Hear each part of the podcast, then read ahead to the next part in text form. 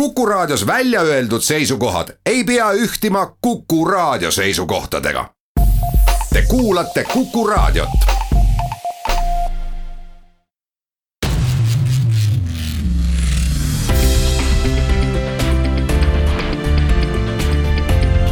teel olümpiale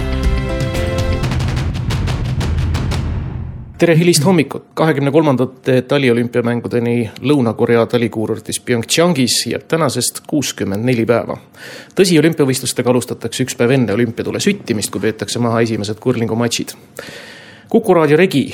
Teel olümpiale jätkab saatesarjaga just nimelt, mis kannab pealkirja Teel olümpiale ja kust mujalt seda teekonda alustada kui mitte Eesti Olümpiakomiteest, kui me räägime Eesti sportlastest ja Eesti atleetide teest olümpiale ja mees põllul on olnud aastaid jätkuvalt Eesti Olümpiakomitee spordidirektor, kellele oleme külla tulnud, Martti Raivo, tere hommikust! tere hommikust! Martti, ega viimane nädal nüüd talispordi koha pealt on olnud ütlemata turbulentne, meil on küll oma asi ajada, Eesti sportlased olümpiamängudele läkitada ja vaadata, kas kõik vastavad nii-öelda kvalifikatsiooninormidele, aga siiski ma usun, et ei ole jätnud puutumata ka meeli kõik see, mis Venemaaga toimub ja Venemaa suhtes otsustatu. kas meil on selle kohta mingit arvamist või ajame oma vagu siinkohal edasi? no eks meie ajame ikka oma vagu edasi, et, et me ei muretse ju teiste riikide sportlaste käekäigu pärast, meie asi on äh, muretseda selle pärast, et äh, me oma koondis oleks koos ja, ja võistleks. aga äh, ROK-i otsus oli võrdlemisi karm, kui lugeda, millised sanktsioonid määrati, siis ma ei mäletagi nii tugevat öö, otsust, mis puudutaks siis ühte rahvuslikku olümpiakomiteed või, või ka nende öö, selle Rahvusliku Olümpiakomitee sportlaseid, aga ega need põhjendused, mille alusel ROK selle otsuse tegi, ei ole ka õhust võetud, vaid kui see McLareni raport läbi vaadata ja ka ROK-i otsuse argumendid rivi panna, siis see, mis on toimunud, oli kindlasti karmi otsust ka väärt aga räägime siis meist ja räägime meie vao ajamisest. Ehm, kuidas meil hetkel läheb, sellest on juba ammu juttu olnud, et Eesti olümpiakoondis saab olema PyeongChangis kompaktne, mitte nüüd ülemäära suur ja nagu ma aru saan, on halvad üllatused veel tulnud rahvusvahelistelt alaliitudelt, mis meie olümpiakoondis, ütleme siis nii, veel kompaktsemaks teevad. kompaktsem on selline viisakas sõna, et tegelikult äh, tänane seis on see, et Rahvusvaheline Suusaliit on teinud äh, kaks arusaamatut otsust äh, kahe spordiala kohta, ehk siis suusahüpete ja kahevõistluse kohta, mis mõlemad otseselt Eestit puudutavad.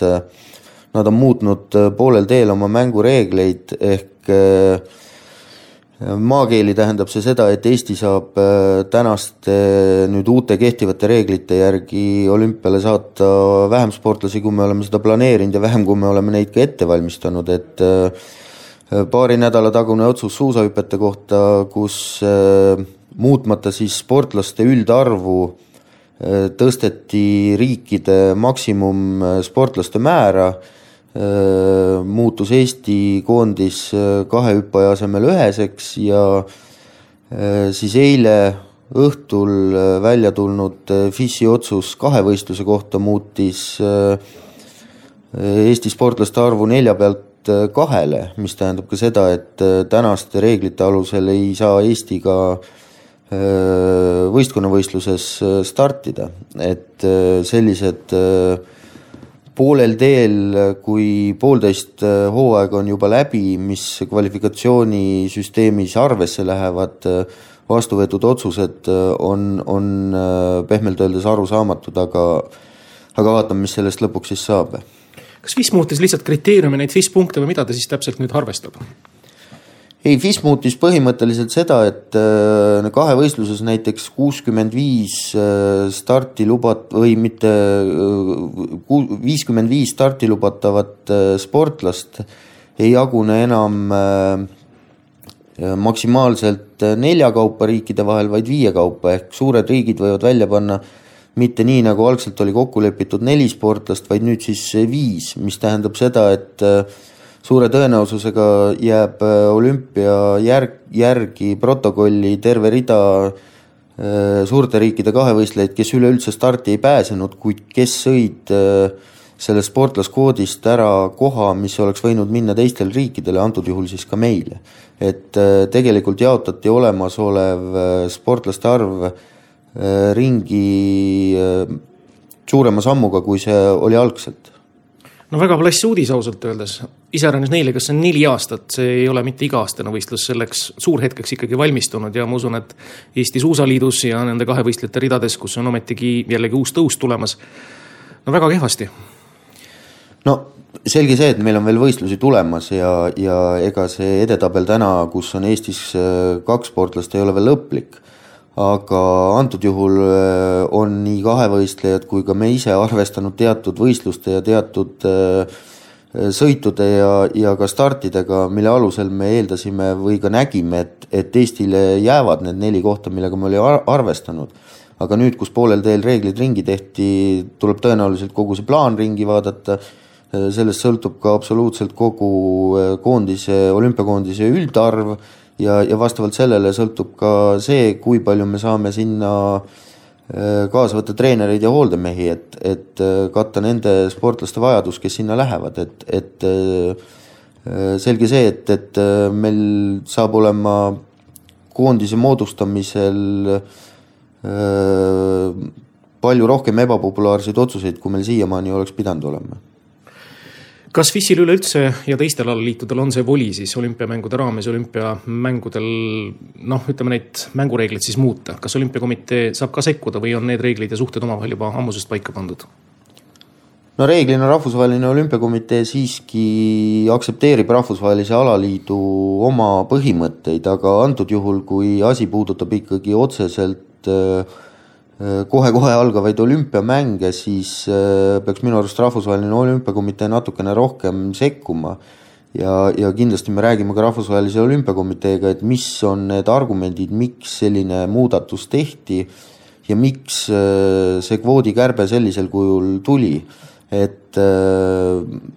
võib-olla nad ei adugi, mis see osadele riikidele tähendab, aga, aga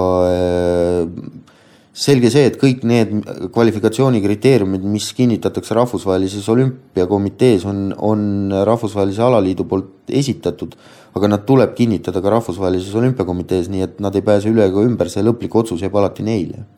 no toome paralleeli kasvõi siin Eesti riigiga või teiste riikidega, kus on olemas üks põhiseadus, Rahvusvahelisel Olümpiakomiteel on siis harta ja see otsus võib iseenesest ju hartaga vastuollu minna, kas sellele annab apelleerida?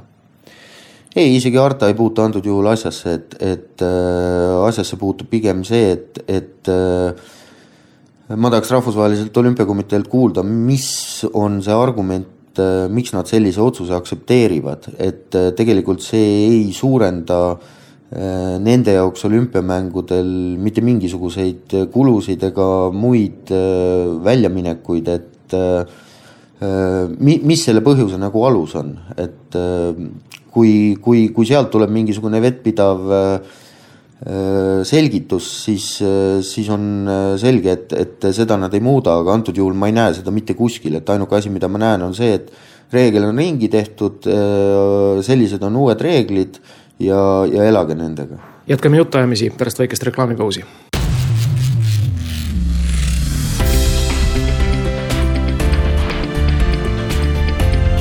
teel olümpiale.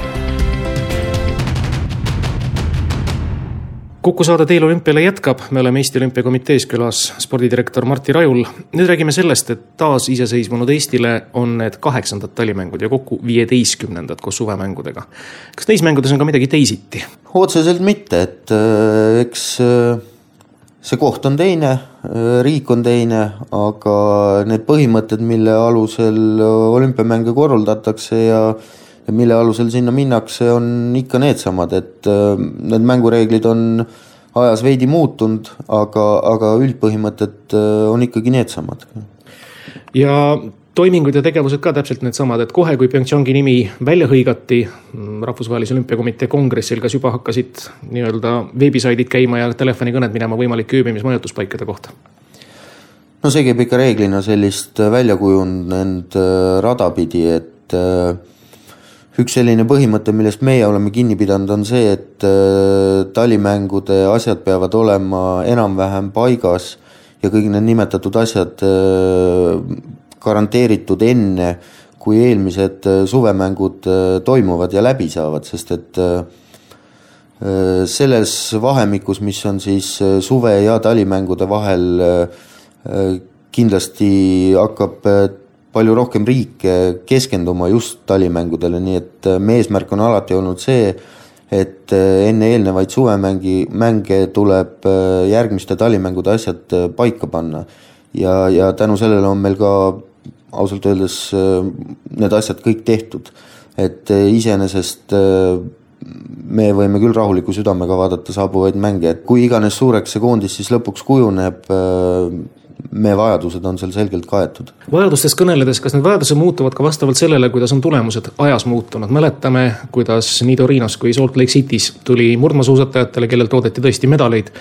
võimalikult kompaktselt ja hästi saada suusastaadioni lähedale majutus, mitte olümpiakülla. nüüd võib-olla, kus see lootus on oluliselt väiksem, kas peab nende asjade pärast nii palju võimlema kui varasemalt või siin vahet ei tee? Ma isegi ei ütleks, et seal oli see põhjendus ainult see, et, et äh, oodata oli medalit, vaid põhjendus oli ka pigem see, et äh, nendes mainitud olümpiatel äh, olid korraldajate poolt pakutavad elukohad nii oma vahemaa osas kui ka kõrguste vahe osas võistluspaigast väga erinevad. et tegelikult põhiline põhjus, miks me võimlesime igasuguste lisamajutuste ja, ja nii-öelda omal käel elamistega oli, oli tingitud hoopis sellest, et äh, Torinos näiteks oli olümpiaküla tunduvalt kõrgemal kui võistluspaik, Salt Lake City's äh, vastupidi, tunduvalt madalamal kui võistluspaik, et äh, ja, ja vahemaad nende kahe paiga vahel olid ühes siis sellise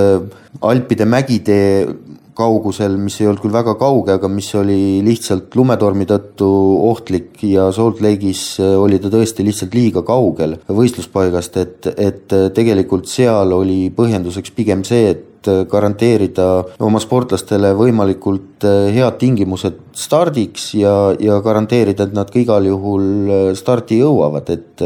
et ei tekiks tee peal mingeid äpardusi. Pyeongchangis ei ole seda probleemi, seal ei ole kõrguste vahesid, võistluspaigad on olümpiakülal väga lähedal, et äh, isegi kui meil oleks nendel aladel medalilootus, siis ma ei näeks erilist põhjust äh, hakata mingisugust lisamajutust sinna tekitama. Martti, kui palju te olete Pyeongchangis käinud? Ma olen Pyeongchangis käinud kaks korda, et äh, esimene kord oligi siis enne Riio mänge, mis oli selline esimene luurekas ja esimene kokkulepete sõlmimise koht ja see pani siis paika laias laastus äh, meie vajadused ja, ja selle alusel tegime me ka need otsused, et kuhu ja mida on meil juurde vaja või kas meil on üldse midagi juurde vaja. ja teinekord on siis selline traditsiooniline üks aasta enne olümpiamänge toimuv äh, delegatsioonijuhtide koosolek, kus äh, uuesti äh, algusest lõpuni käiakse läbi kõik, mis seda mänge puudutavad, et selline suur seminar ja koosolek, kus siis äh, käiakse läbi kõik võistluspaigad uuesti, vaadatakse kõik elamised üle, igaüks saab teha neid äh, eriasju, mida tal on, äh, kas siis on või ei ole plaanis teha, nii et, et äh, kahe korraga saime täiesti rahulikult hakkama. tuletame kuulajatele meelde võib-olla, kes ei tea, et Pyeongchang ei ole linn, ta on selline maakonnalaadne või selline omavalitsusüksus ja nagu öeldud, ta oli kuurort ja kuidas võistluspaigad välja nägid, olid nad sellised tõesti nõelasilmast tulnud ja kõik spetsiaalselt olümpiaks ehitatud või midagi oli seal ka varasemalt olemas? ei, seal oli ikka väga palju varasemalt olemas, et äh, seal on toimunud äh, suuri tiitlivõistlusi ja rahvusvahelisi võistlusi ja, ja lihtsalt äh, antud juhul see asukoht tõenäoliselt kujunes pigem niipidi, et nende võistluspaikade järgi ehitati siis olümpiaküla, mitte nii, et ehitati olümpiaküla ja siis vaadati, kus on võistluspaigad, et tänu sellele on selles regioonis need nii võistluspaigad kui elamispaigad ikkagi väga kompaktsed ja võib-olla nad ei ole nüüd nii käe-jala juures, kui olid Sotšis, aga noh, kümne minutiga enamus Eesti sportlaseid jõuab oma võistluspaika ja asjaajamine Korea moodi, on ta selline, no ütleme, kõrgtehnoloogiliselt, majanduslikult väga heal järjel riik, ega ta pole snobismik või, või on ta selline korrektne ja saab asjad kiiresti võetud? bürokraatiavaba? no orgkomitee on selles suhtes, ütleme, olümpiamängude orgkomitee on selles suhtes selline rahvusvaheline organisatsioon, et kuigi ta luuakse ju nullist ja ta lõpetab pärast olümpiamänge oma tegevuse, siis väga palju inimesi, kes orgkomitees töötavad, ei ole sugugi Koreast, vaid omavad juba väga paljude olümpiamängude kogemusi ja reisivad põhimõtteliselt ühtedelt mängudelt järgmistele ja töötavad äh, Äh, siis ridamisi eri orgkomiteedes, et, et tegelikult need teadmised ja, ja oskused ja ka, ja teadmised sellest, mida on ühel koondisel või rahvuslikul olümpiakomiteel vaja, rändavad ühest orgkomiteest teise, et see tegelikult muudab ta operatiivseks ja, ja heaks partneriks, et, et loomulikult seal on ka kohalikku hõngu juures, igal pool on see, see kohalik kultuur ja traditsioon kohal, aga, aga need ütleme, põhiväärtused ja põhiteadmised äh, tulevad ühtedelt mängudelt teisele ja, ja see teeb meie elu ikka tunduvalt lihtsamaks, kui see oli võib-olla kakskümmend aastat tagasi kui me räägime nüüd meie koondisest, tegime saate alguses viitamise juttu, et suhteliselt kompaktne, mitte nüüd ülemäära väike, aga siiski me oleme esindatud ja me oleme nähtaval kohal. me saame rääkida nii umbes paarikümnest sportlasest me saame rääkida suurusjärgus kahekümnest sportlasest, et äh, tegelikult täna ametlikult on meil kvalifitseerunud äh, viis sportlast, äh, siis viis meest laskesuusatamises ja kõikidel teistel aladel, kus meil on veel šanss kvalifitseeruda ja kus see arv võib siis tõusta või langeda, on kõik kaardid lahtised kuni jaanuari teise pooleni, et selline just Rahvusvahelise Suusaliidu viimaste kvootide kinnitamise hetk on tegelikult kakskümmend kaks jaanuar, kus edetabelid lukku lähevad. ja ka pärast seda paar päeva võib veel toimuda muudatusi, kui toimub kohtade ümberjagamine ehk keegi ütleb ära, keegi saab juurde et äh, tegelikult enne jaanuari lõppu seda lõplikku koondist ja lõplikku sportlaste arvu me ei tea, aga me teame neid spordialasid, kus äh, me igal juhul võistleme, me ei tea võib-olla seda lõplikku arvu, mis äh, nimekirjaga me sinna läheme, aga, aga me ikkagi neid alasid teame, kus eestlased starti lähevad, et nendega me oleme ka arvestanud. kiiruisutamine, üks uus ala, milles me pole väga tükk aega väljas olnud no kiiruisutamine on tegelikult lõplikult selge selle nädala lõpus, kui on viimane maailmakarika etapp, mis läheb kvalifikatsioonivõistlusena arvesse ja siis on ka kvootide jagamise hetk, et siis on selge, kas Eesti võistleb seal mehe ja naisega nagu ma väga loodan, või siis äh, milliseks see lõplik kvoot kujuneb. aga kõik ülejäänud alad, mäesuusatamine, murdmaasuusatamine, kahevõistlus, äh, suusahüpped, äh, freestyle, kan-, laskesuusatamise naiste osa, need saavad ikkagi lukku alles jaanuaris. Freestyle'ist kõneldes, kas Kelly Sildaru tõi nüüd koha pigemini Eestile või siis iseendale? Kelly Sildaru on täna toonud koha Eestile ja kui äh, see koht säilib, äh, siis on Eestil õigus see koht täita ja, ja, ja meil on olemas ka sportlane, kes võib ühes distsipliinis selle koha täita, jah. Igal juhul ees seisavad väga toimekad kaks kuud, aitäh Martti Raju vastu võtmast ja jõudu tööle! aitäh!